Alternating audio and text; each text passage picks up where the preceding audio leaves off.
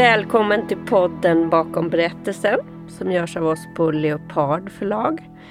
Den här podden är till för att vi ska prata om de här lite mer okända delarna av vår utgivning. Hur blev en bok till? Eller vad var det vi klippte bort i redigeringen? Eller hur föddes den där idén?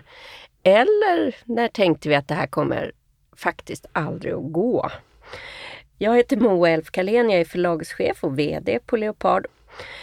De tre första avsnitten så ska vi ägna åt Leopards, ja, det är väl utan jämförelse mest kända författare både i Sverige och utomlands, Henning Mankell. Det här första avsnittet ägnar vi helt åt Hennings världssuccé, eh, Wallander-serien. Den gavs ut mellan åren 1991 och 1999 och såldes till ofattbara 100 länder och finns översatt till 40 språk. Med oss så har jag Dan Israel, Hennings vän och förläggare under alla åren och eh, också grundare av förlaget Leopard tillsammans med Henning. Vi ska tala om hur allting började, om den osannolika resan som ni gjorde tillsammans. Eh, vi ska tala om hur man gör för att tåla framgång, för det tänker jag att Henning gjorde. Vilken av böckerna som står sig bäst och vilken av böckerna som inte har åldrats med särskilt stort behag. Men jag tänker att vi också ska prata om människan Henning Mankell.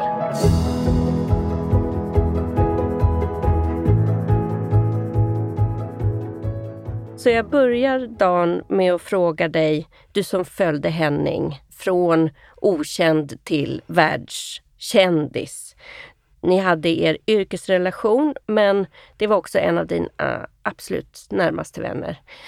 Hur känns det att prata om Henning efter att han har gått bort? Det känns bra att prata om Henning. Eh, jag saknar honom jättemycket.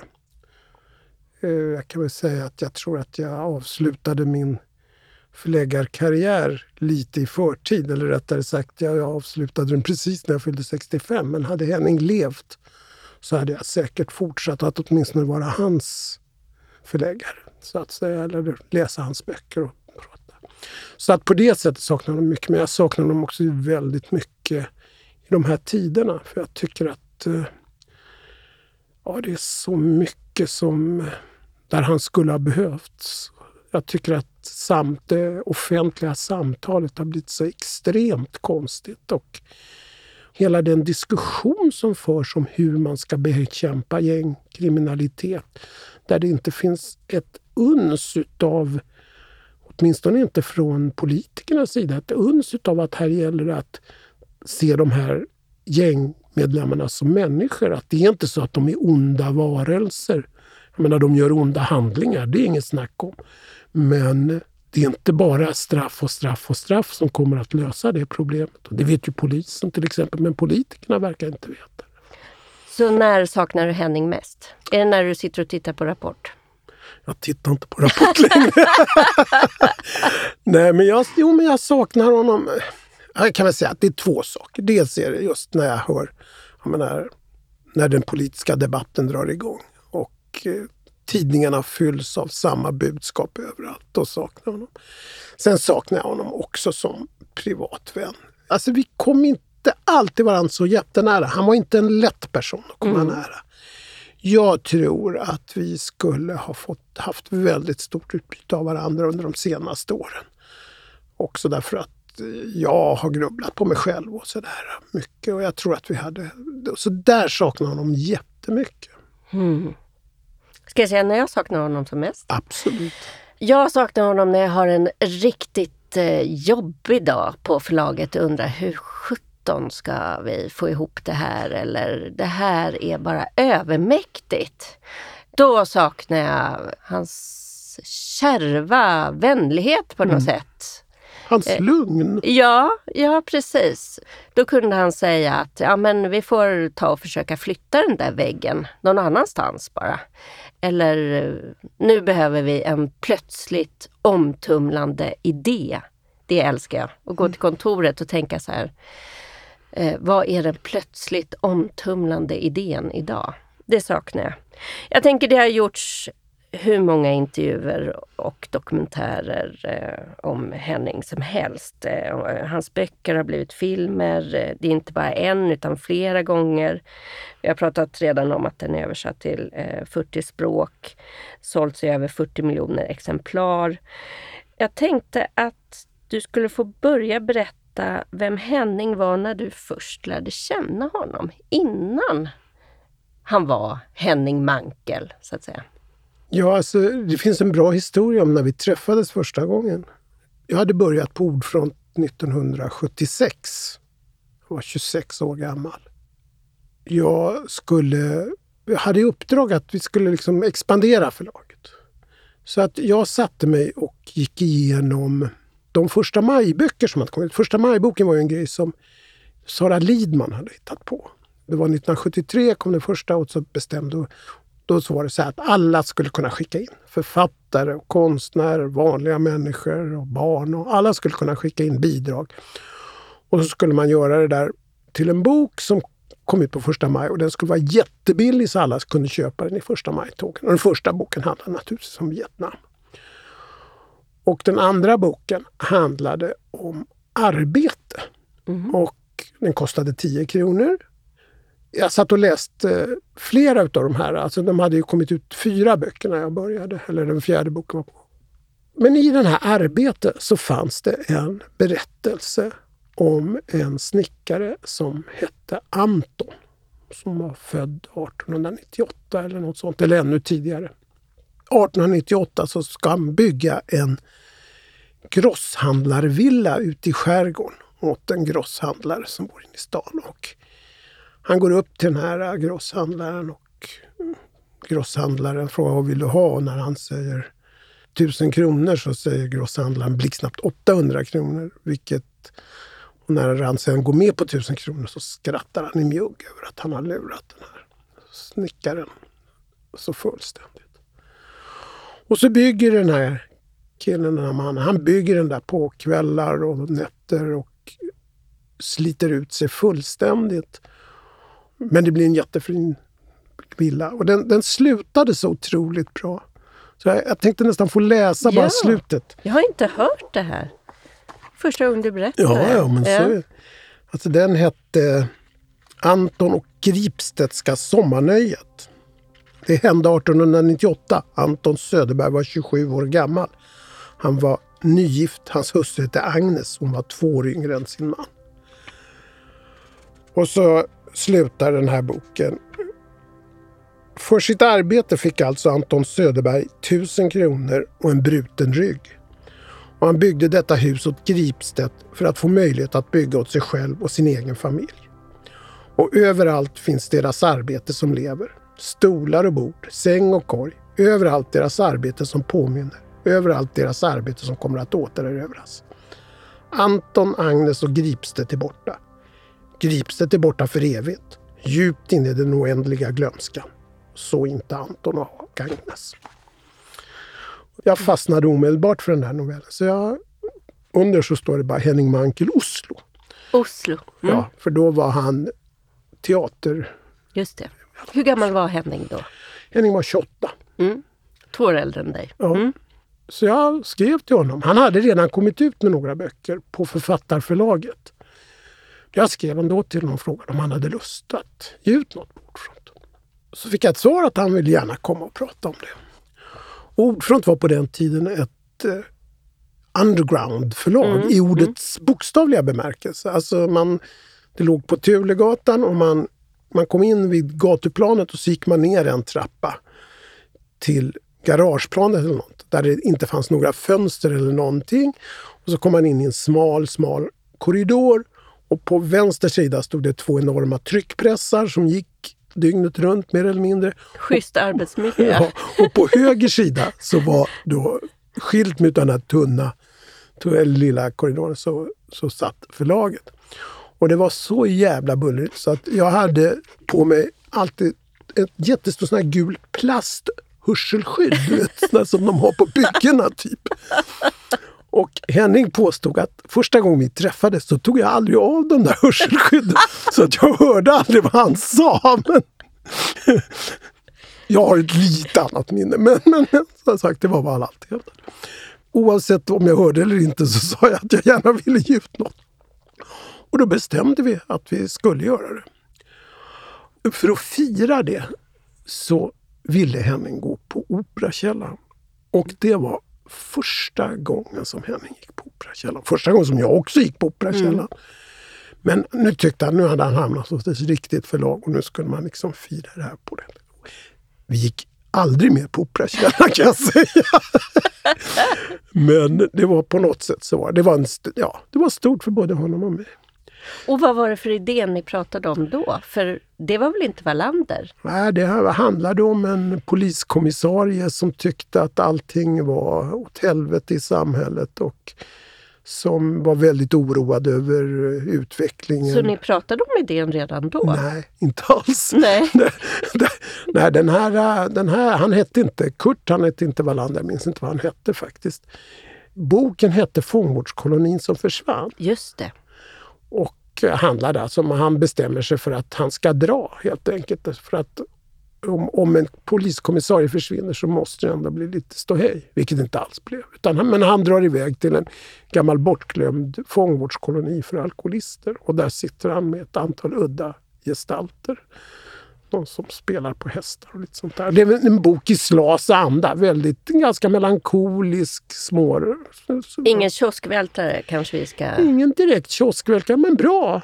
Alltså, jag, jag, så här, Henning var aldrig någon kioskvältare de första tio åren. Det gick, det gick bra. Han fick alltid bra recensioner. Han fick alltid jättebra recensioner i Bibliotekstjänst och Bibliotekstjänst köpte på den tiden kanske 2000 om det kom en bra recension. Så att vi brukade trycka 3000 och sålde slut dem i princip. Böckerna rullade på. Ibland så var det lite knepigt därför att eh, de var så tjocka. Mm. Men till exempel Daisy Sisters minns jag, den var ju väldigt tjock. Men då hade ju Ordfront sitt eh, medlemssystem och hade börjat med medlemsböcker. Som, så att vi visste att vi skulle sälja kanske i alla fall 1000 eller 1500 till biblioteken och sen lika mycket ungefär till, till medlemmarna. Tänkte du att eh, det här var ett jättestort författarskap, att eh, det skulle bli någonting jättestort? Nej. Nej, nej, men alltså det fanns inte i min värld, i min föreställningsvärld. Jag var alltid... Ordfront var ett litet förlag, väldigt profilerat. Vi skulle ge ut bra böcker. Vi åkte till Frankfurt och träffade andra små förlag. Vi träffade aldrig de stora förlagen, eller rätt sagt de stora förlagen ville inte träffa oss. Nej, men det fanns inte i min värld. Henning sa, sen sa han, ja, jag har alltid trott att jag skulle få den läsekrets jag förtjänar. Det är rätt kaxigt. ja. Men nej, det fanns inte i min värld.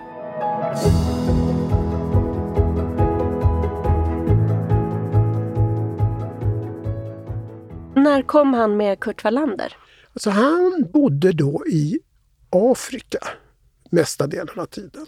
Och eh, jag har gett ut nio romaner utav honom. Som handlade om allt ifrån kvinnliga traversförare som i Daisy Sisters eller original som bodde på en skärgårdsö. Eller svenska äggfarmare i Zambia.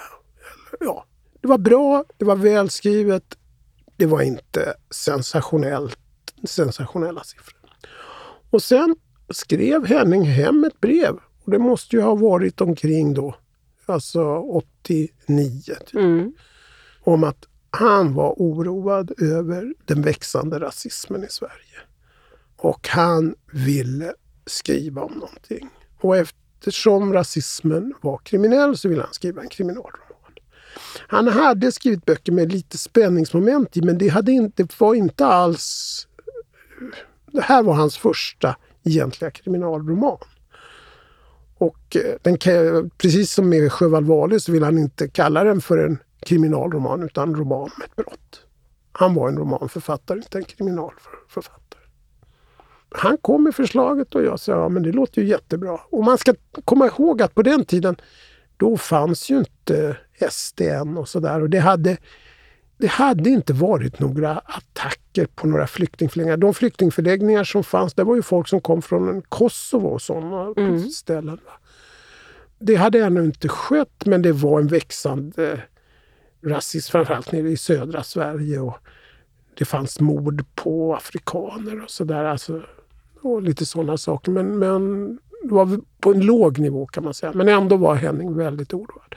Och när boken kom ut, då hade en flyktingförläggning attackerats. Och det finns ju för övrigt i första boken, Mördare utan ansikte. Mm. Där brinner ju en flyktingförläggning. Ja. Jag föreställer mig att det hände flera gånger att Henning faktiskt eh, skrev saker, målade upp bilder som sen faktiskt hände. Eller? Ja, nej men jag, jag brukar tänka på Bob Dylan. Mm. När jag, alltså inga jämförelser för övrigt, va? men när Dylan skrev “Don't have to be a weatherman to know where the wind blows”. Jag menar, Dylan var ju på något sätt så. Jag trodde ju alltid att Dylan var jätteprogressiv, att han tyckte precis som jag. Så småningom så insåg jag att det Dylan gjorde, han var, han var ett, ett medium. Han tog upp, han kände vad som låg i tiden och så tog han upp det och så gjorde han konst utav det. Och sen gjorde han... Eh, jag menar, sen, sen, spelade det ingen roll vad det handlade om för honom. För Henning var det annorlunda. Henning var också på så sätt att han kände av vad som låg i tiden och gjorde konst av det. Men mera målmedvetet. Jag menar, det, man kan ta flera exempel. Man kan ta Den vita lejoninnan mm. som ju handlar om ett planerat attentat mot Nelson Mandela. Mm. Också i Wallander-serien. Ja, just mm. det. Och när den nästan... Alltså vi, han hade redan lämnat manus och vi höll på och den hade nästan gått i tryck. Och påsken det året så sköts andre mannen i ANC. Han mördades mm. utav en vit rasist. Mm. Henning bara ringde hem på en gång och sa har du, hört? Har du hört? De har gjort precis det jag skrev. Mm. Och det var ju flera. Alltså jag menar, man kan ta ett annat exempel, kinesen. Ja, just det. Som är, är ju en av de tidigaste litterära skildringarna av hur kineserna betedde sig i tredje världen. Säger mycket idag faktiskt. Ja, ja. Mm. Och, den står sig. Ja, den står sig otroligt mm. bra. Mm. Och det är klart, att det, jag menar, det var väl så att Henning passerade, kineserna byggde ett, eh, om det var nya justitiedepartementet, palatset i Maputo. Och eh, förmännen var kineser och eh, arbetarna var svarta mosambikaner. Och de, det liksom, de hunsade med dem helt otroligt. Va? Så att Henning, Ja, på något sätt, han greppade, han greppade tiden. Och så tror jag att stora konstnärer är. De är inte alltid, jag tror inte de är medvetna helt, alltid om vad som sker, men de, de tar in och förstår på något sätt omfattar de det och så mm. gör de konst. Det som blev den där första boken då i Wallander-serien, Mördare utan ansikte, den kom ut 91. Minns du redigeringen av den boken? Det måste ju vara första kriminalromanen också som du redigerade, eller? Ja. Men ja. du tänkte bara, nej men självklart, det ja, men jag sätter jag tänderna i, eller? Jag, jag, jag, minns inte ens att det var mycket redigering. Jag tyckte att den var jättebra från början till slut. Mm. Jag menar, det var väl ett och annat ord vi ändrade. Va? Men det var ingen sådär... Äh, jag tror att han skrev den i ett ögonblick av flow. Så mm. bara, allting bara flöt. Vad intressant att du säger. Det tycker jag nästan man kan känna. Som läsare minns jag särskilt den där scenen med den äldre mannen mm. som står i fönstret om natten. Något har väckt honom och han vet inte vad. Mm. Eh, det är hästen i stallet. Alltså det är otroligt krypande obehaglig känsla men det är med väldigt lätt hand som, eh, ja men just att det, skildringen bara flyter mm. framåt så. Henning var väldigt bra på att skriva inledningar. Jag tror att han la ner otroligt mycket möda på att skriva de första kapitlen. För att han hade en uppfattning om att man har liksom en sida på sig att fånga läsaren och sen lägger de bort boken om det inte är bra. Första meningen är också ofta ja, väldigt bra. Ja. Ja och sista. Men, det kan, tar vi, men den är mer din vi, eller? nej, nej, nej, inte alls. Inte alls. Nej, men, alltså också det, den här boken, Kinesen, mm. som ju börjar med en varg som har förirrat sig och går över gränsen till Norge och eh, kommer in i en liten by och känner blodlukten. Och det är så jävla suggestivt så att eh, Ja, men ja. det är skildrat ur ja. vargens perspektiv. Precis, det precis. Är så... Vargen försvinner sen ur historien. men... Mördare utan ansikte. Trodde du att det skulle bli stort? Så här, vi tryckte alltid 3000 extra Henning. Den här gången tänkte jag, ja men vi trycker 4000. Men alltså mer tänkte jag inte. Och Henning sa, ja jag har en kompis som kan göra omslaget. Ja, bra, bra, så Och så det har vi. Och så blev det ett omslag så att den första utgåvan av Mördare utan ansikte, den ser ut som en bättre diktsamling. Ja. Det Mm. finns ju ingenting i det omslaget som säger att det här är en deckare. Ja, det är väldigt högstämt sådär. Ja. Ja, ja. Jag hade inte hunnit längre. Jag hade inte liksom... Där någonstans var jag. Va? Och sen fick han ju kanonrecensioner.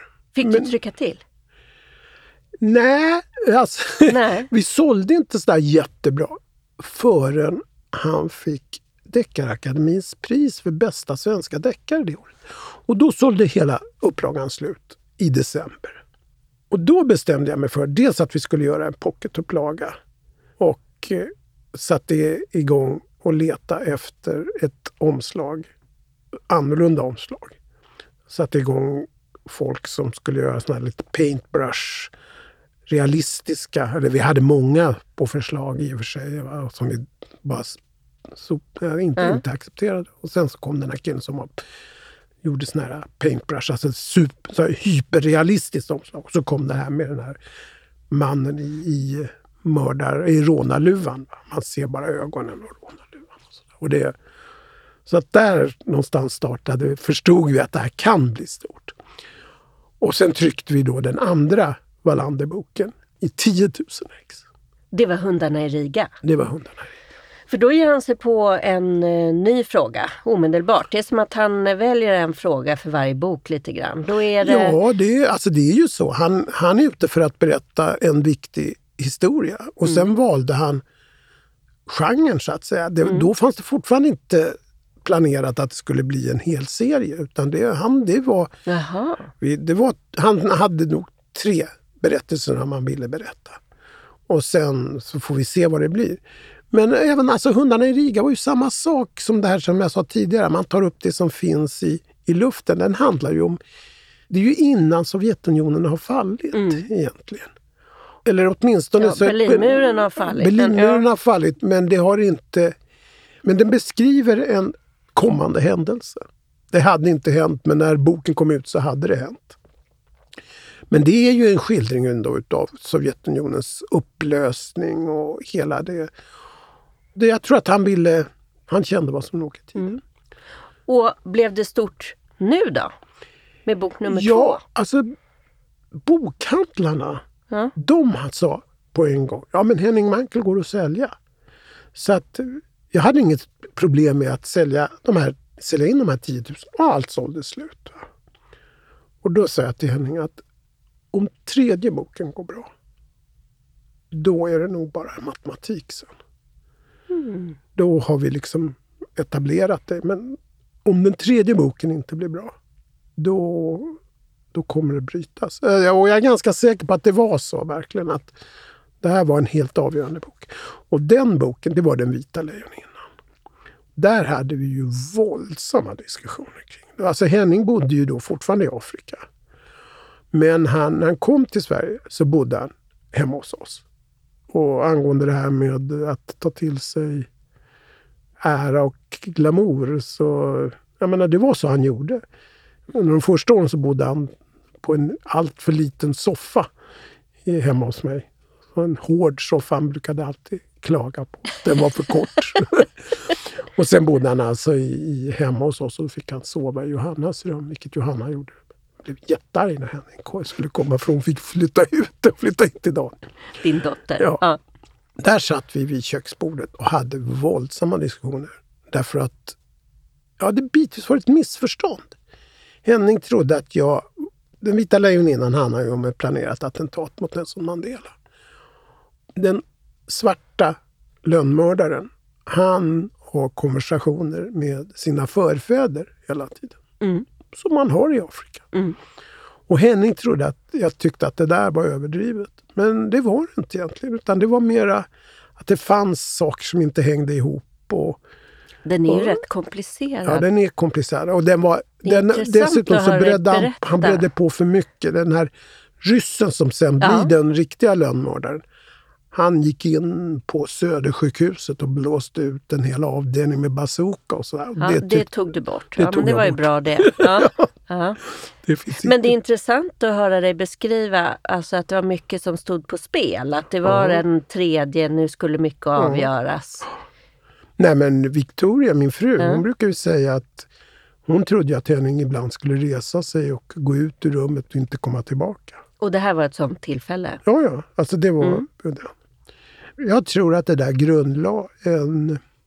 Alltså vi hade alltid haft en, en, en, bra relation. Va? En ganska nära relation.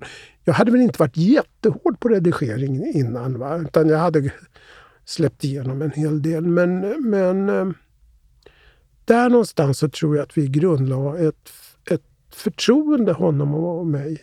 Alltså det är inte lätt att vara förläggare åt en nära vän.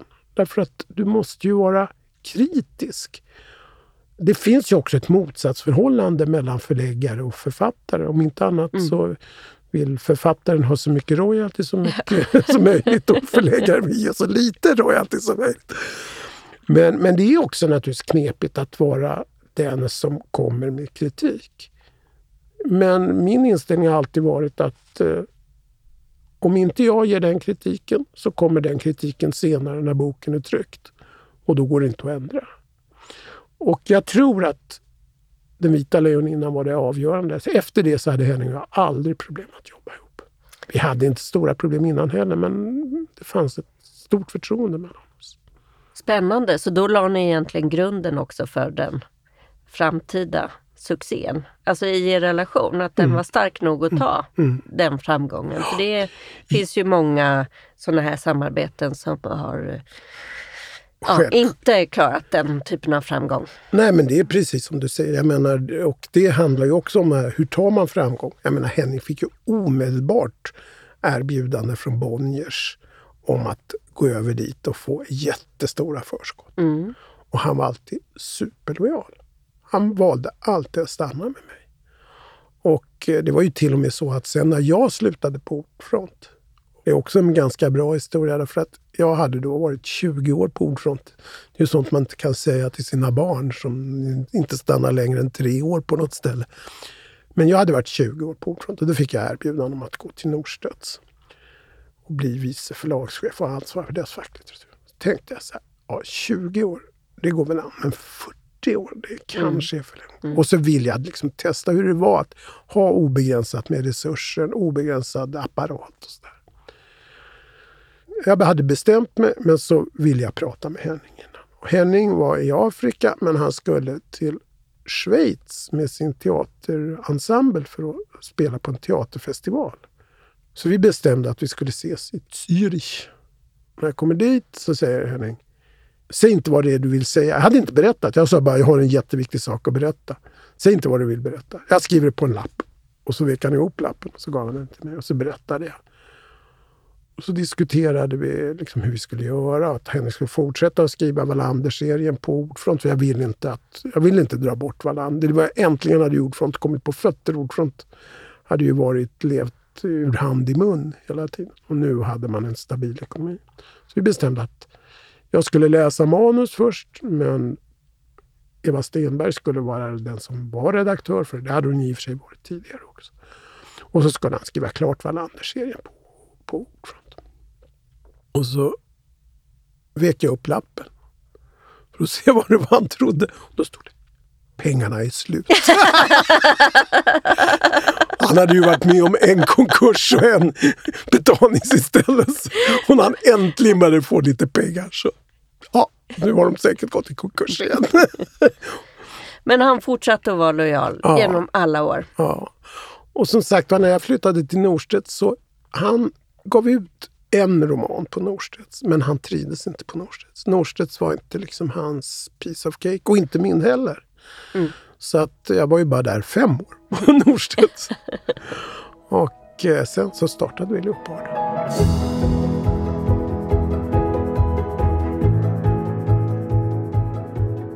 Tillbaka till Wallander-serien då. När blev den en internationell framgång? Jag lyckades sälja Mördare utan ansikte till ett litet franskt förlag som hette Christian Bourgeois. Vi sålde den i de nordiska länderna. Eh, lyckades vi sälja. Eh, och till relat, ja, I Danmark till ett litet, Klim. Väldigt litet Men Norge var det Gyllendal Norge var det redan från Gyllendal början. från Mm, början. mm. Men för övrigt så var det ju hopplöst. Ja, jo, vi sålde, lyckades så småningom sälja till något väldigt suspekt tyskt förlag. Det hände absolut ingenting. Va? Så småningom, när jag, alltså, och jag märkte liksom, jag tänkte nog jag hade liksom en, som jag kunde säga, liksom bästsäljare i Sverige. Men de utländska förlagen, de, ja, vad du var en svensk författare. Tror du att vi har något intresse där? Så då, då tog jag kontakt med Anneli Höjer som var litterär agent. Varför blev det Anneli Höjer? Ja, därför att Anneli var så helt annorlunda än andra litterära agenter. Alltså litterära agenter i allmänhet väldigt duktiga affärsmän. Ganska giriga. Men, och som gärna liksom byter förlag för att trissa upp eh, arvodena. Och så där. Anneli var ju litterär från Mm. början. Alltså, De andra är agenter, hon var litterär agent. Men hon hade översatt eh, Günter Grass, hon var god vän med Günter Grass. Hon, eh, jag menar, hon, var, hon var en litterär person. Och vi hade jobbat ihop i... Alltså jag hade ju köpt böcker av henne tidigare. Hon hade, hon hade tysk litteratur och gav ut en hel del. Till exempel Václav Havel. Eh, hans, en av de första böckerna med honom innan han hade blivit president. Han var fortfarande dissident. Den hade hon och den köpte vi in. Och, sådär. och vi hade andra böcker. En, som mm, också en, alltså tyska dissidenter från Östeuropa eller, eller Stenek Heischler som skrev en bok som heter Nattfrost som handlade om den ryska invasionen i Prag. Han, Stenek Heischler hade då varit generalsekreterare i kommunistpartiet. Och så. så att vi hade ett väldigt bra sammanhang och vi hade träffat, vi träffades en gång i Frank, varje år i Frankfurt och hade jättetrevligt tillsammans. Och liksom, det klickade. Och då tyckte jag okej, vi låter Anneli ta hand om det. Och vad jag inte visste då, det var ju att Anneli höll just på att göra en världssuccé med Peter Hög. Mm. Hon började bygga upp ett Peter Hög-nätverk kan man säga. Mm. Men Smilla kom då. Mm. Och hon, Smillas känsla för snö. Ja. precis, och hon sålde in det till en rad olika förlag. va. Och den blev en jättesuccé i hela världen. Och nästa år så kom hon så här, jag har en svensk Peter Hög. Och då köpte alla de här. Så plötsligt så placerade hon, hon tog bort det från det här egendomliga tyska förlaget och så tog hon det och så också fick hon att Hanser förlag skulle ta hand om det. Och Hanser förlag, de såg ju på en gång de otroliga litterära kvaliteterna. Alltså man ska komma ihåg, jag tror att så här, framgången för Henning jag har funderat mycket på varför det gick så bra. Men Mm. ett utav skälen tror jag var att Henning var en otroligt bra berättare. Vad fanns det annars för deckarförfattare? Om man tar i USA, det var John Grisham till exempel. Alltså John Grisham är ingen bra författare. Han kan skriva berättelser men han är ju en dålig författare. Och hela den där generationen, Raymond Chandler, alla de där stora amerikanska deckarförfattarna, de var ju helt, det fanns ju ingen som skrev sånt. Så Henning var något helt nytt. Och det såg Hanser. Hanser såg att det här var litterärt och, och, och men deckarförfattare. De gjorde ju helt andra omslag än vad vi gjorde. För de var ju en absolut nyckel. Ja, Eller hur? Förlag. Hanser- Tyskarna blev Precis. avgörande. Och de gjorde ju omslag som var såna här 1800-tals romantiska målningar som inte alls Ja, egentligen det. hörde ihop med berättelsen. Mm. Men som signalerar det här är jättelitterärt och jättebra på något sätt. Och de fick ju upp, när, jag, jag minns inte vilken utav det som gick upp på den tyska bästsäljarlistan. Och då begrep jag, fan kan han sälja, sälja så här mycket i Tyskland? Då kommer det bra. Och det var ju så därför att alla de andra som då hade köpt den såg, jaha nu kunde man hänvisa till Tyskland, nu var det inte längre Sverige. Och så började det rulla. Så det var då du insåg att det skulle bli Ja. så stort? Det var när den gick upp på bästsäljarlistan i Tyskland? Ja, Det var inte när du fick första royalty eh, utbetalningen nej, från tyskarna. Nej, men sen var det väl också en gång när jag var i, på bokmässan i London mm. och plötsligt kommer ner i tunnelbanan och ser såna här jätteaffischer på Wallander. Då tänkte jag, herregud, det, nu är det någonting som händer. Och det var ju så jävla märkligt. Alltså det, vi hade ju aldrig haft tunnelbaneannonsering i Sverige eller något sånt. Då. Hur då, kändes det inför ja, dina får, kollegor? Då, då får man så här hjärtklappning. Gud vad mäktigt. Ja. Jag tänker att eh, många följde efter honom senare så att han delvis skapade det här svenska deckarundret och Nordic Noir. Och... Vilka var hans egna litterära förebilder?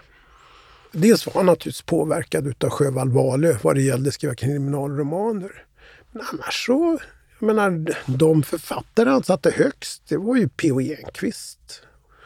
Myrdal naturligtvis i den generationen betydde ju jättemycket för alla, även om han inte skrev liknande böcker. Men, men jag tror att P.O. och så naturligtvis Strindberg.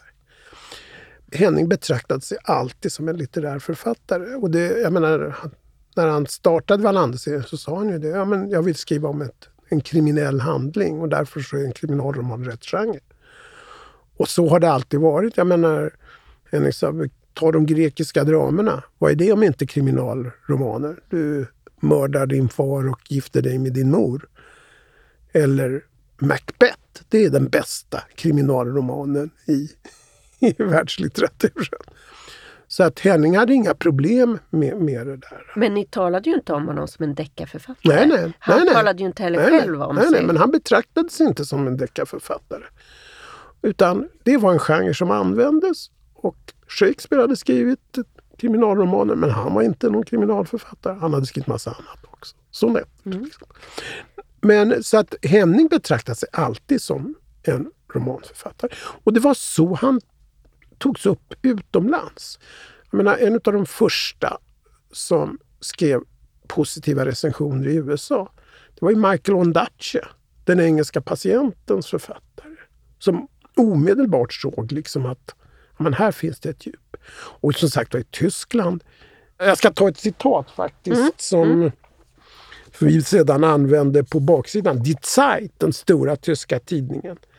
De skrev i någon recension. Den äkta Mankell-läsaren är naturligtvis, precis som författaren, i första hand intresserad av själen och de viktiga sakerna i livet. Mm.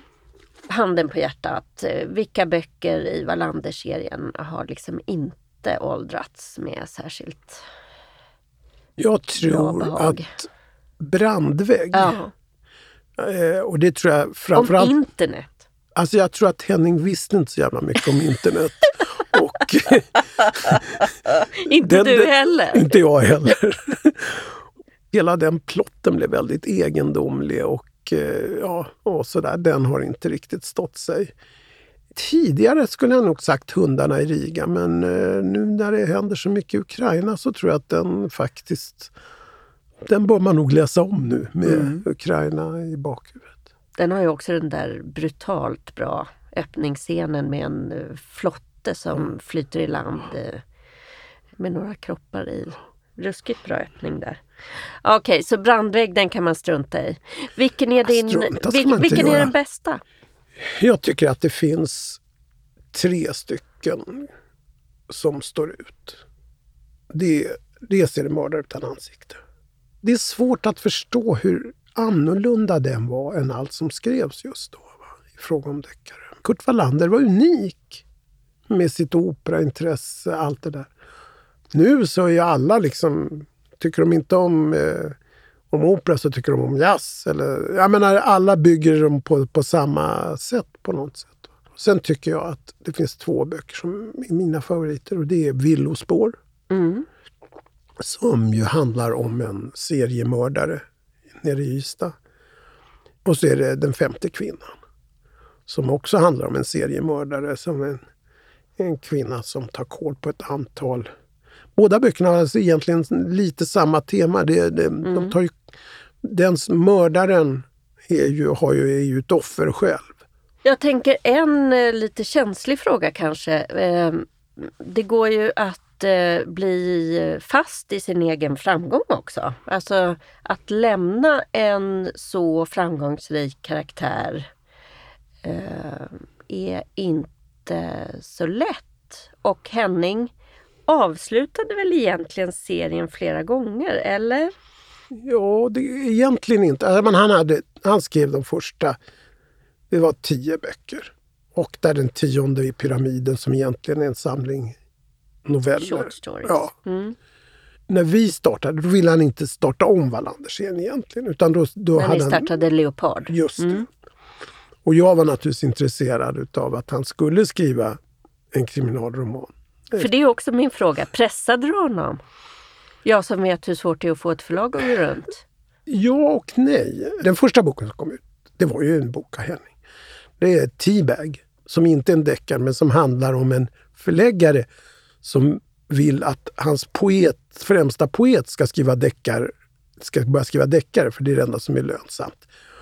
Den här poeten vill absolut inte skriva en deckare men den, där, den fortsätter, det rullar bara på. De, skriver, de gör omslag och de skriver baksida och innehåll fast han inte har börjat. Och så där, men pressar honom hela tiden. Så att, Kände du dig träffad? En aning. Ja. men inte jättemycket. Men det fanns väl, eller Henning förstod väl också att det fanns naturligtvis den där. Men då ville, det Henning ville, han ville då göra på något sätt ändå annorlunda. Så då skulle det handla om Linda Wallander. Ja, just det. Då kom ju Innan frosten, som ju, där Linda spelar huvudrollen. Det är också det vackraste omslaget, tycker jag. Den ja, där döda svanen. svanen. Ja. Jösses vilket omslag. Ja. Sen hade han nog tänkt fortsätta med det, att använda Linda Wallander. Men dels när den här började spelas in som serie mm. så begick ju hon som hade huvudrollen, hon mm. begick ju självmord. Och jag tror att det där hämtade inte riktigt Henning sig ifrån. Så att det blev aldrig någon mer Linda Wallander. Han pratade ju om det flera gånger. Ja, ja. Sent. Mm. Och sen så kom den orolige mannen och där fanns säkert jag med i bakgrunden också. men då vill ju Henning avsluta den så att den inte skulle kunna återupptas. Han hade väl fått nog av allt ifrån Conan Doyle, alla som ramlade ner och slog ihjäl sig men som i själva verket hade fastnat på en liten klippavsats. Och så, så han bestämde att han skulle gå in i dimmorna. Kurt Wallander fick Alzheimer. Ja. Mm. Sen hade han faktiskt någon tanke på att skriva ytterligare en bok där Wallander vandrar fram och tillbaka mm. mellan dimmorna och ögonblick av klarhet. Men det blev aldrig något. Nej, jag tror inte Henning hade några problem egentligen med att sluta skriva. Jag menar, han, hela tiden så var det nog så att Wallander var ett verktyg för berättelser han ville berätta. Och fanns det inte, rymdes det inte inom den ramen så ville han det inte. Så ska man ju komma ihåg, alltså om man talar om det här med hur Henning tog berömmelse. Mm. Så ska man komma ihåg att Henning blev aldrig en del av det litterära etablissemanget i Sverige. Henning gick aldrig på fester, Aftonbladets kulturfest eller andra fester. DNs. Och det där var, låg ju någon bitvis i fatet för folk blev irriterade och tyckte att han var snobbig. Men Henning trivdes inte i de sammanhangen. Dels så var Henning ganska skygg. Mm. Jag vet ju när vi flög någonstans. Henning var alltid den som gick sist på. Va? Han sattes ju aldrig i och väntade så att folk skulle kunna komma fram och börja prata med honom. Men det där med att han var skygg. Han kunde ju också vara otrevlig. Alltså om vi ska vara ärliga här. Absolut. Hur hanterade du det? vi hade en del konflikter kring det. Alltså Henning, jag tyckte att Henning fick ett tag så... Alltså han blev inte, som sagt, han blev inte en del av det litterära etablissemanget. Däremot när han fick mycket pengar så köp, han köpte inte Rolls Royce, han köpte inte uh, jätteflotta kläder. Han köpte en gång en Armani-kostym därför att han skulle till kungen. Och då gick Victoria och han in på Ströms och Henning gick rakt fram till första hyllan och så sa, eller för, och sa jag vill ha en Armani-kostym och så tog de ut den och så sa han jag tar den. Och så, Han provade den inte? Nej. nej. Mm. Han ville köpa sig fri. när han fick mycket pengar så köpte han sig fri från obehag. Eller vad ska jag säga. Mm. Han betalade folk för att göra saker så att han slapp göra det själv, saker som han tyckte var otrevligt. Och lite grann så tyckte jag att han... Vi hade en period när vi inte umgick särskilt mycket därför att han, ja, han drog sig undan. Och, ja, och så försökte han liksom eh, bjuda på någon flott resa eller något sånt där. Och det var inte riktigt det jag ville. Jag ville umgås med honom. Men det var väl det sätt... eh, Alltså han, han tyckte inte om... Han ville vara på egen hand. Han, liksom, han sa att det bästa ställe han hade hittat att skriva på det var det var ju hos, när han hade lånat en stuga av Ingmar Bergman Mm. och satt eh, nere vid vattnet på Fårö och inte en människa i närheten. Och det var egentligen det han ville. Han ville skriva. Det var ett eh, behov. Jag tror att det är det som särskiljer stora författare från, och stora konstnärer överhuvudtaget från vanliga författare och så vanliga dödliga. Han kunde inte låta bli. Jag tror inte det var en njutning för honom att skriva. Tvärtom. Jag tror att han tyckte det var otroligt jobbigt. Men han kunde inte låta bli. Och han sa ju det, jag är som en... Det finns en liten fågel i Amazonas som om den slutar att flyga så sätter den sig ner och dör. Och så är jag också. Det, jag måste hela tiden skriva. Skriva, skriva, skriva. skriva. Varför var han så skygg? Jag tror att i grund och botten så fanns det en väldig osäkerhet hos honom. Det kan vi komma in på när vi pratar om barnböckerna, men det, där finns ju en nyckel till hela Hennings författarskap.